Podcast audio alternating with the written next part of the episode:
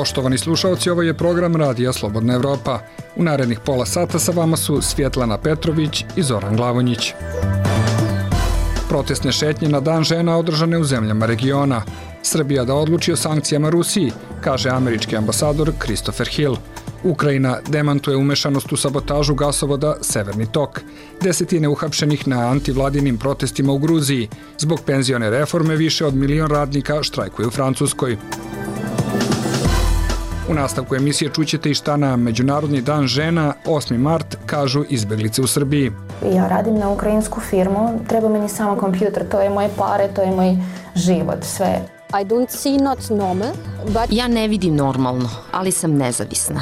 To je moj status kao i šta mladi misle o stanju u Bosni i Hercegovini. Najvažniji problem s kojim se mladi u BiH društvu suočavaju je vezan za nezaposlenost, ukupno 48% na nivou BiH. Drugi problem po učestalosti bila je korupcija 33%. Ovo je regionalni program Radija Slobodna Evropa. Slušajte nas svaki dan u 18 i 22 sata. Povodom Međunarodnog dana žena 8. marta u Podgorici je održana protestna šetnja pod nazivom Otpor sili i nepravdi, sa koje su učesnici rekli ne nasilju i nekulturi. Jedna od govornica bila je Milena Blagojević. I prije svega odamo počast svim istorijskim, političkim i kulturnim dostignućima žena ne samo u Crnoj Gori, već širom svijeta. Kroz našu istoriju žene su posvećeno radile i borile su se za dobrobit društva, borile su se za jednakost, slobodu, pravdu i mir nesalomljivim duhom, što dokazuje dijelo i nasledđe antifašističkog fronta žena, pokreta koji je promijenio sudbinu svih nas u Crnoj Gori. Oslobođenje žena od okupatora, ali i od njihovog neravnopravnog položaja u društvu, radna emancipaciji žena su neki od dostignuća koji su obilježili njihov desetogodišnji rad. Kao što vidimo, ispod površine koja je preplavljena cvijećem, kozmetikom i parfemima, nalazi se bogata prošlost konstantne borbe i otpora, što ovaj dan i čini ovoliko značajnim. Čuli ste Milenu Blagojević sa 8. martovskog protesta u Podgorici. Istraživanje Centra za demokratsku tranziciju Crne Gore pokazuje da dve trećine građana smatra da je patrijarhat zastupljen u toj zemlji, te da skoro polovina misli da to nije štetno po žene. Nismo jeftina radna snaga i odlučne cure će spasiti svet, poruke su koje su iz Banja Luke i Sarajeva poslate sa 8. martovskih protesta, izveštava Alen Bajramović. Sporo ili kako je jedna od sporo ili kako je jedna učesnica marša rekla brzinom promjena u Bosni i Hercegovini, par stotina građanki i građana održalo je osmomartovski protestni marš kojim žele poslati poruku da odlučne cure će promijeniti i spasiti svijet, što je i tema ovogodišnjeg skupa u Sarajevu. Jedna od učesnica marša je mlada djevojka i studentica Merijem Sinanović. Istakla je kako je velika razlika kada se uporedi položaj žena sada i prije 50 ili 100 godina. I mislim da je bitno danas što se dešava ovo u Sarajevu i što podržavamo žene i zahvaljujemo se na neki način za protekle proteste i za prava koje smo dobili danas. Međutim, smatram da nismo do kraja to usavršili i da je baš zato potrebno danas da smo sve izašli ovdje. Iz fondacije Cure, koja je i organizator ovog skupa, kažu kako na ovaj način žele pokazati otpor prema onima koji stoje na putu ostvarivanja ženskih prava i sloboda, kao i njihovu odlučnost u zaustavljanju svih opresivnih politika prema ženama i marginalizovanim grupama Medina Mujić iz fondacije Cure kazala je kako je ova tema metaforički koncipirana tako da simbolizuje sve žene, djevojke i djevojčice u BiH koje na bilo koji način pružaju otpor patrijarhatu i negativnim tradicionalnim normama koji žene postavljaju u neravnopravan položaj. Statistike isto tako govori da se na, nasilje najvećim brojem dešava nad ženama, vrlo, vrlo malim procentima nad muškarcima. E, s druge strane, kada govorimo recimo o zaposlenju, e, žene su najčešće, e, mislim, vrlo teško dolaze do visoko rangirajućih pozicija. Nemamo žena, imamo ih odnosno jako malo na vladajućim i odlučujućim funkcijama. Organizacije Oštra Nula i Centar za mlade Kvart su ove godine odlučile fokus Banja Lučkog osmomartovskog marša staviti na uslove rada i radna prava žena u BiH, a protestnim skupom žele da ukažu na poštivanje zakona o radu, zakona o zabrani diskriminacije, zakona o ravnopravnosti polova, kojim se garantuje sigurno i nesmetano djelovanje žena u radnom okruženju. Aktivistica Milica Pralica kazala je na maršu u Banja Luci kako je samo 6% visoko obrazovanih žena jednako plaćeno kao i njihove kolege. O ovogodišnjoj poruci Banja Lučkog skupa Milica kaže. Za poruku smo se odlučile i iz tog razloga što nam se sve veći broj e, žena javlja koje trpi e, diskriminaciju na poslu, seksualno uznemiravanje, to je ekonomsku nejednakost, da nisu jednako plaćeni sa svojim radnim kolegama, iako im je ovim posla čak i veći listi kao njihovim kolegama. Iako je 8. mart najčešća prilika da se ženama pokloni ruža ili drugi znak pažnje, a bosansko-hercegovačke ulice preplavi razno cvijeće, poruka sa skupova je da ga ne žele, već straže jednaka prava, poštovanje i sigurnost. Za radio Slobodna Evropa, Alem Bajramović. U Hrvatskoj se Međunarodni dan žena obeležava u znaku upozorenja da žene nisu ravnopravne u društvu. Iz Zagreba javlja Enis Zebić. Bojana Genov, jedna od tri koordinatorice ženske mreže Hrvatske, za naš program pobodom Međunarodnog dana žena kaže kako žene u Hrvatskoj nisu ni ravnopravne ni zaštićene. Odgovor je nedvojben i jednoznačan ne. Žena nije zaštićena. Prošle godine imali smo 13 ubojstava žena žena koje su prijavljivale nasilje, žena koje nisu dobile zaštitu institucija države. Znači nasilje nad ženama je u porastu, vidljivo je na svakom koraku i e, država to ne rješava na adekvatan način. Po njenoj ocjeni najveći pomaci na bolje napravljeni su uspostavljanjem institucionalnih mehanizama, uvođenjem pravobraniteljice za ravnopravnost spolova i donošenjem zakona o ravnopravnosti spolova. Međutim, u stvarnosti oni nemaju preveliku moć. Također, blagi pomak nabolje bilježi su u području političke participacije gdje raste broj žena u predstavničkim tijelima. Ali mi znamo i to iskustva sa potvrđuju da ako nema barem 30% žena, da do promjene neće doći, da žene slijede svoje muške kolege i muške modele odlučivanja, da se ne usude angažirati na području ravnopravnosti spolova jer ih ta tema automatski marginalizira kao neozbiljne političarke i vrlo rijetko koja se na to odlučuje. Bojana Genov kaže da činjenica da broj obavljenih pobačaja u Hrvatskoj pada samo govori da se oni obavljaju izvan Hrvatske, a da broj žena koje obavljaju pobačaj ostaje isti jer Hrvatskoj nedostaje i seksualno obrazovanje i odgoj za ravnopravnosti spolova s jedne strane, a s druge strane usluga pobačaja se u zdravstvenim ustanovama pruža nikako ili nerado. U Hrvatskom saboru prigodno su se svi parlamentarni klubovi osim krajnje desnice obratili uz Međunarodni dan žena. Zastupnik romske manjine Veljko Kajtazi poželio je svim ženama što manje nejednakosti i upozorio da su žene romkinje više struko diskriminirane, kako unutar tako izvan romske zajednice. Svega 8% žena romkinja obavlja neki vid plaćenog posla, a 17,3% ih je nepismeno, kazao je. Odustajanje od škole je ogroman problem od školovanja se odustaje zbog financijske situacije, sklapanja brakova, loših obrazovnih rezultata i postajanje roditeljima.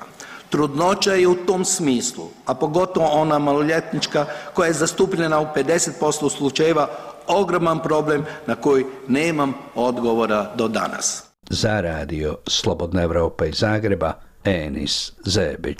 U Beogradu je na 8. mart održan protestni marš za radna prava žena pod nazivom Dostojanstvo plata život. Sa ovog okupljanja zatraženi su osmočasovno radno vreme za žene, dostojanstveni uslovi rada i hitno reagovanje institucija u slučajevima rodno zasnovanog nasilja. Ministarstvo vlade Srbije za ljudska i manjinska prava saopštilo je da je u januaru i februaru u porodično partnerskim odnosima u Srbiji ubijeno devet žena i apelovalo na žrtve da prijave nasilje. Zanima vas što se dešava u regiji? Sve možete naći na slobodnaevropa.org. Organizacioni odbor građana u protestu zbog smene viših tužiteljki u Beogradu predao je državnom veću tužilaca inicijativu za razrešenje republičke tužiteljke Zagorke Dolovac, višeg tužioca Nenada Stefanovića i njegove zamenice Brankice Marić. Tužiteljke Bojana Savović i Jasmina Paunović smenjene su dan posle hapšenja osumnjičenih u predmetu na kom su radile. Malverzacija u elektroprivredi Srbije kojima je to javno preduzeće oštećeno za 7,5 miliona dolara. Evropska komisija prati dešavanja u Beogradskom višem javnom tužilaštvu, izjavila je port parolka te institucije Ana Pisonero. Za portal European Western Balkans rekla je da je potreban nezavisan rad tužilaštva i da Evropska unija od Srbije očekuje rezultate u borbi protiv korupcije. Ambasador Sjedinjenih američkih država Christopher Hill izjavio je da će Srbija morati da donese odluku o sankcijama Rusiji. On je u intervju za Radio 100 Plus rekao da je veoma važno da Srbija ne čeka da postane članica Evropske unije, već da svoju politiku usklađuje sa Briselom, pa i po pitanju uvođenja sankcija Moskvi. Policija u Gruziji privela je više desetina ljudi na demonstracijama u Debilisiju protiv zakona o stranim agentima, za koji deo građana smatra da je uperen protiv medija i nevladinih organizacija. Gruzijsko ministarstvo unutrašnjih poslova navelo je da je 50 policajaca povređeno tokom protesta koji su razbijeni suzavcem i vodenim topovima. Pomenuti zakon predviđa da se organizacije koje dobijaju više od 20 od sredstava iz inostranstva registruju kao strani agenti. Ukrajina nije umešana u sabotaže na Severnom toku, izjavio je ukrajinski ministar odbrane Oleksij Reznikov nakon što su pojedini mediji objavili da je eksplozije na ruskom gasovodu u Baltičkom moru u septembru izazvala proukrajinska grupa. Za mene je to pomalo čudna priča, jer nema nikakve veze sa nama. Takve tvrdnje zvuče kao kompliment za naše specijalne snage, ali mi to nismo učinili. But this is not our uh, activity. Rekao je Reznikov na marginama neformalnog sastanka ministara odbrane Evropske unije u Švedskoj. Rusija je takođe odbacila tvrdnje da iza incidenta stoji proukrajinska grupa, navodeći da se radi o skretanju pažnje sa počinilaca. Slobodna Evropa.org Spas od ratova u Ukrajini i Etiopiji, Julija i Saraj našle su u Srbiji. Kako su na Međunarodni dan žena 8. mart rekle našoj Neveni Bogdanović, povratak kući im je najveća želja. Kad sam bila mala, bilo je tradicionalno 8. marta, muškarce nose žene cveće, ti si žena, ovo je tvoje cveće, sve, to je to. Priča Julija iz Ukrajine. Sa mlađim generacijama u njenoj državi je, kaže, praznik dobio novo značenje. Ljudi moje godište osjeća 8. marta kao dan kad možeš da pričaš o pravo, ženskom pravo i ravnopravnosti. A onda je usledila ruska invazija. Rat najpre i najteže pogađa žene i devojčice, upozorile su Ujedinjene nacije na Međunarodni dan žena. Julija je Kijev napustila početkom bombardovanja. To je tako strašno i to je najgori strah u životu koje sam osjećala. I ne zbog sebe, zbog čerke. Ovaj 8. mart dočekuje sa privremenom zaštitom koju u Srbiji ima kao izbeglica. Pokušava da izgradi novi život. Dok je čerka u vrtiću, Julija radi od kuće. Sa poslom nema problema, srećno da ja imam posao i ja radim na ukrajinsku firmu, treba meni samo kompjuter. To je bilo uglavnom što ja sam uzela ne lekove, a kompjuter. I to je moje pare, to je moj život, sve. Vesti iz Ukrajine, u kojoj je prema procenama međunarodnih posmatrača do sada stradalo više od 8000 civila, a milioni raseljeni, stižu svakog dana. Najteže da, da čitam novine i da znam da tamo gine decu, ljude, da Mariupol, da ne postoje više gradove, to je to. A ja sam bila tamo, ja sam bila na moru, ja znam kako tamo i sada vidim slike, ne postoje sve haos, katastrofa, nema grada uopšte. Žene koje još na okupiranih teritorijah ruskim. Ne znamo do kraja šta je tamo. Znajemo od buće što može da bude sa ženama tamo. I nasilovanja, i, i da uzme decu, i da ubivaju. Rat i izbeglištvo su Juliju, kako ističe, mnogo promenili. Pa ja sam stala hrabri, jače, razumijem što je cena životu, koja je cena životu Još jedan 8. mart u Beogradu dočekuje i Saraji. U Srbiju je preko Turske i Bugarske pre dve godine stigla sama, izbegličkom rutom uz pomoć belog štapa. Slabovidost je posledica jedne vrste albinizma. I don't see not normal, but I'm independent. Ja ne vidim normalno, ali sam nezavisna. To je moj status, ali za druge žene, izbeglice je ta neizvesnost veoma, veoma teška. Posebno žene sa poteškoćama. One su zaista zanemarene. Osjećam se jačom i više se ničega ne plašim. Ne osjećam se toliko uplašeno kao ranije. I feel not so much fearful than before. Otac je odlučio da zbog rata treba da napusti Etiopiju. Brak je okončala, a petoro dece nije mogla da povede. Bila je, kako priča, u opasnosti jer pripada manjinskoj etničkoj grupi, Habeša narodima. We are being safe. Bili smo bezbedni u Addis Abebi, ali bio je očigledan strah da bi rat mogao doći u Addis Abebu i kakva bi mogla biti situacija. Nismo znali. We didn't know. Sukob je u novembru 2020. otpočeo u severnoj oblasti Tigraj, između regionalne pobunjeničke vojske i snaga centralne vlade. Proširio se na susedne provincije Amhara i Afar. In the area where the war U regionu gde je bio rat, žene su silovane, devojčice su silovane, bile su ubijane, to su činile obe strane. Između 300 i 600 hiljada civila stradalo je tokom dve godine zbog ratnog sukoba, gladi, bolesti i nedostatka medicinske nege, procene su međunarodnih istraživača. Primjer je potpisano krajem 2022. ali humanitarna katastrofa nije okončana. Saraj ističe da su njena deca na bezbednom, ali da bi želela da i ona može da se vrati u Etiopiju. women em- for emotional they're stronger Vidite, žene su emotivno jače. Možda ponekad nemamo fizičku snagu, ali u mnogim slučajevima imamo snage da više podnesemo. we have more strength to endure Saraj je iskazala nameru da dobije azil, što bi bio prvi korak ka njenom ostvarivanju tog stepena zaštite u Srbiji. Prošle godine odobreno je 30 zahteva, a nameru za azil je iskazalo više od 4000 stranaca, 3731 muškarac i 450 žena. Podaci su nevladinog Beogradskog centra za ljudska prava. Najviše ih iz Afganistana, Burundija i Sirije. Žene u Afganistanu imaju najmanje prava na svetu, saopštile su Ujedinjene nacije na Međunarodni dan žena. UN su navele da nova talibanska vlast nameće pravila koja većinu žena i devojaka ostavljaju zarobljenim u kući.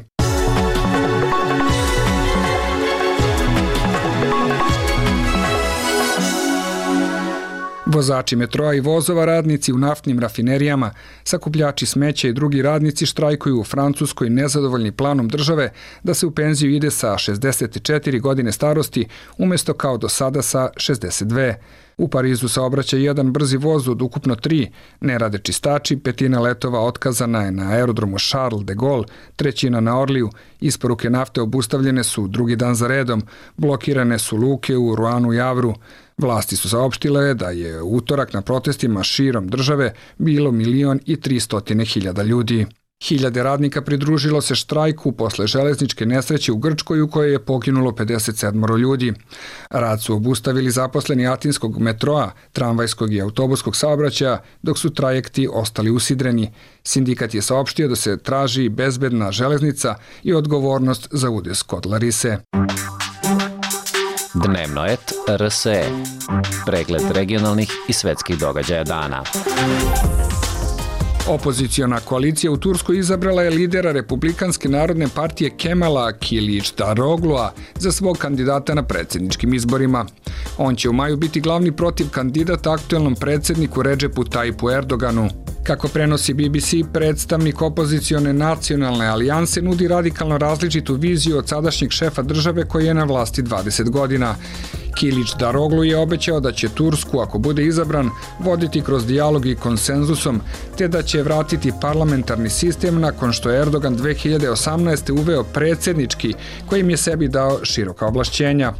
Britanski javni servis navodi da ankete sugerišu da predstoji izrazito tesna predsjednička trka u situaciji u kojoj je Erdogan sada ranjiviji zbog ekonomske krize i neadekvatne reakcije vlasti tokom katastrofalnog zemljotresa u Turskoj prošlog meseca.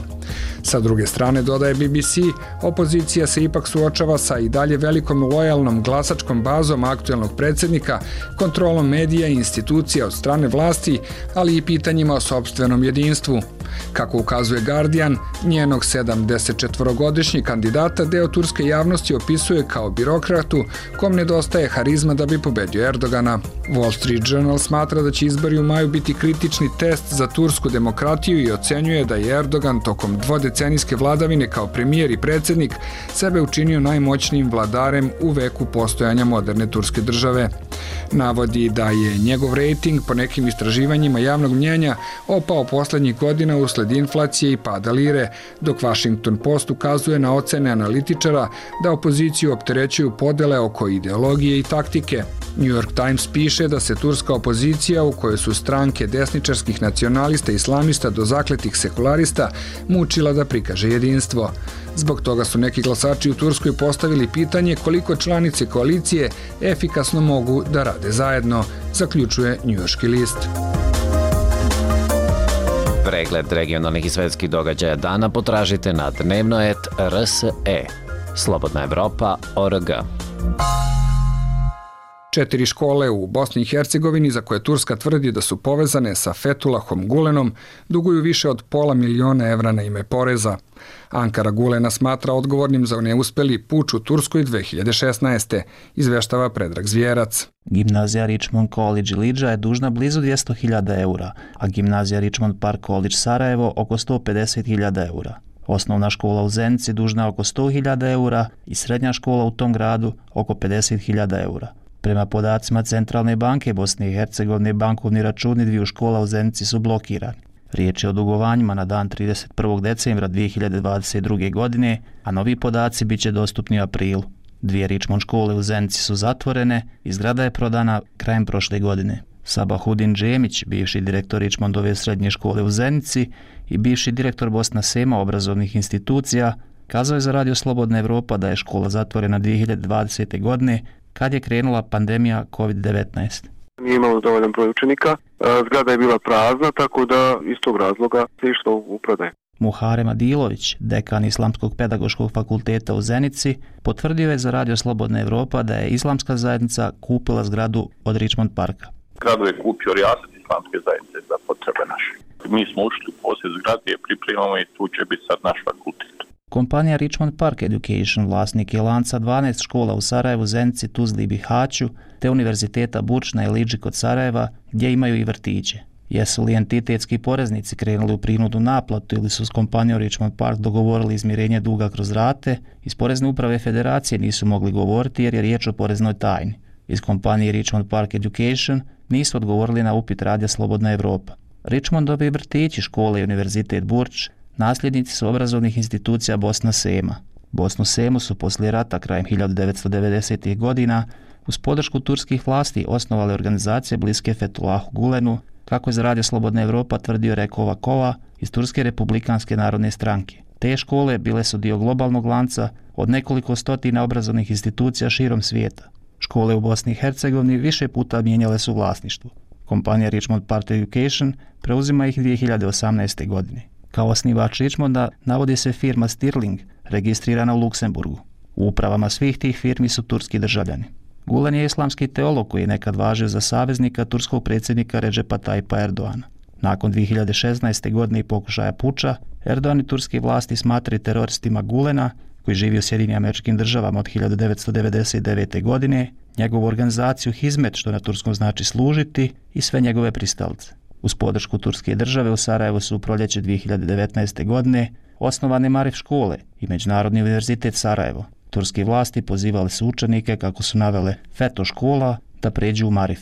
Za Radio Slobodna Evropa iz Sarajeva, Predrag Zvijerac. Većina mladih u Bosni i Hercegovini nezadovoljna je stanjem u svojoj zemlji, naročito u pogledu zapošljavanja i korupcije, pokazalo je istraživanje Američke agencije za međunarodni razvoj USAID, prenosi Adnan Čomor. Projekat koji je okončan u februaru 2023. godine obuhvatio je 3000 mladih iz 118 općina u Bosni i Hercegovini. Percepcije mladih o svom društvenom okruženju i njihov pogled na njihov razvoj su važni faktori koji utiču na njihove postupke i motivacije za smisleno učešće u tom društvu, navodi se u istraživanju. Najvažniji problem s kojim se mladi u BiH društvu suočavaju je vezan za nezaposlenost, ukupno 48% na nivou BiH. Drugi problem po učestalosti bila je korupcija 33%. Otprilike jedna petina ispitanika smatra da društvo nije dovoljno uključeno u probleme mladih, 23%, i da su ponašanja kao što su alkoholizam, ovisnost o drogama i delikvencija također preovladavajuća. Kada su pitanje očekivanja mladih od društva, više od tri četvrtine njih vjeruje da društvo treba da ih zaštiti od kriminala ili terorizma, a 79% njih smatra da bi društvo trebalo da garantuju da su njihove osnovne potrebe zadovoljene. Mladi imaju veoma različite nivoje povjerenja u različite tipove organizacija, pokazalo je istraživanje USAID-a. Ispitanici su bili jasni u ocjeni da visoko vjeruju vjerskim institucijama 42%, a slijedi povjerenje u međunarodne institucije i nevladine organizacije 20%. Javni servisi i vladine institucije su zaslužile najniže stope povjerenja. U 2022. godini 43% mladih osoba prijavilo je zaposlenje, što predstavlja povećanje od 17%. Udio mladih sa punim radnim vremenom povećao se na 40%, navodi se u izvještaju. Udio mladih zaposlenih sa punim radnim vremenom povećao se na 40% u 2022. godini sa 25% više u odnosu na 2018. godinu kada je urađeno slično istraživanje. Da bi se razumjeli društveni identiteti mladih, USAID je zamolio ispitanike da procijene važnost svojih pripadnosti određenih društvenim grupama. Zaključeno je da mladi Bosne i Hercegovine osjećaju najjaču pripadnost svojoj porodici 88% i prijateljima 84%.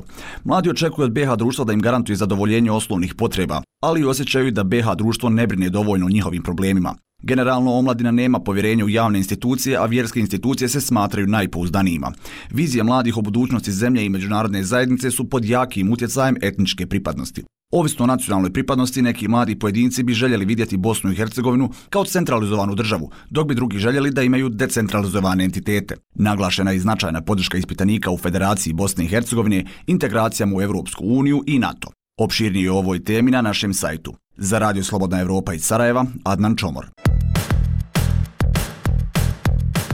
Slike svakodnevnice šta muči ili inspiriše mlade kako prošle političke odluke utiču na našu budućnost. Ove i druge teme slušajte u podcastima Radija Slobodna Evropa. Sve epizode pronađite na iTunesu, Spotify, Google podcastima, kao i na slobodnaevropa.org. Slušajte odmah ili preuzmite epizodu za kasnije. Tu smo svakog dana. Podcast i Radija Slobodna Evropa. U fabrici automobila Fiat u Kragujevcu toku je montaža opreme za proizvodnju novog modela na električni pogon od 2024. Iako grupa Stellantis još ne daje informacije o pripremama, u fabričkom sindikatu našem Branku Vučkoviću rečeno je da sve ide po planu. Proizvodnja automobila na električni pogon u Kragujevcu bi trebalo prema ranijim najavama da počne u trećem kvartalu 2024. godine. Država Srbija je 28. aprila prošle godine potpisala ugovor o proizvodnji električnog automobila u Kragujevcu sa Stellantisom, vlasnikom Kragujevačke fabrike. Vrednost ugovora je 190 miliona evra, od čega će iz državnog budžeta biti izdvojeno 48 miliona evra.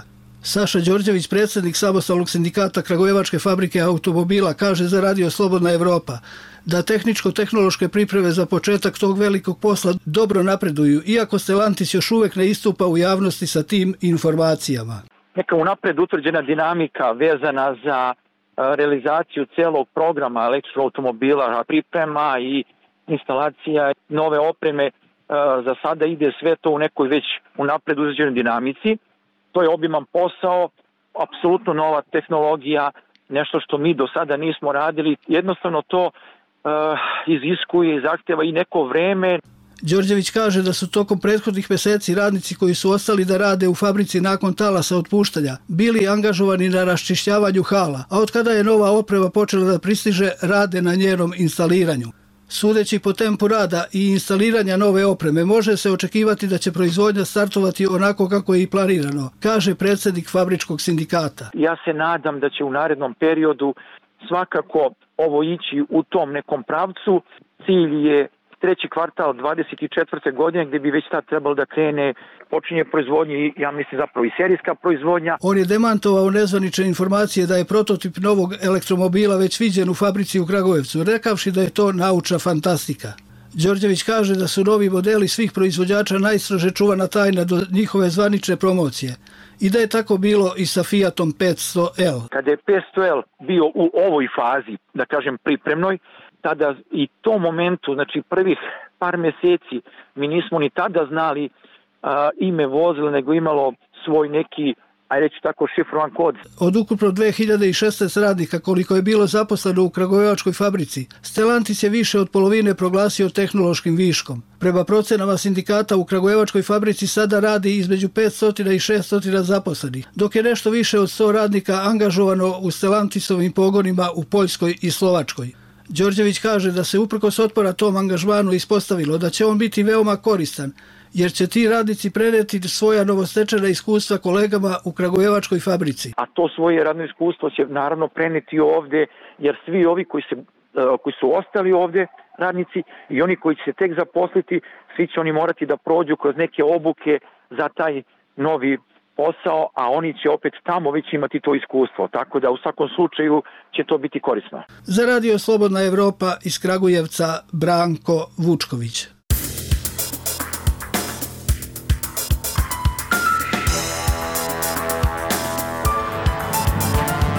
Poštovani slušalci, bilo je to sve u ovom programu Radija Slobodna Evropa koji su pripremili Svjetlana Petrović i Zoran Glavonjić.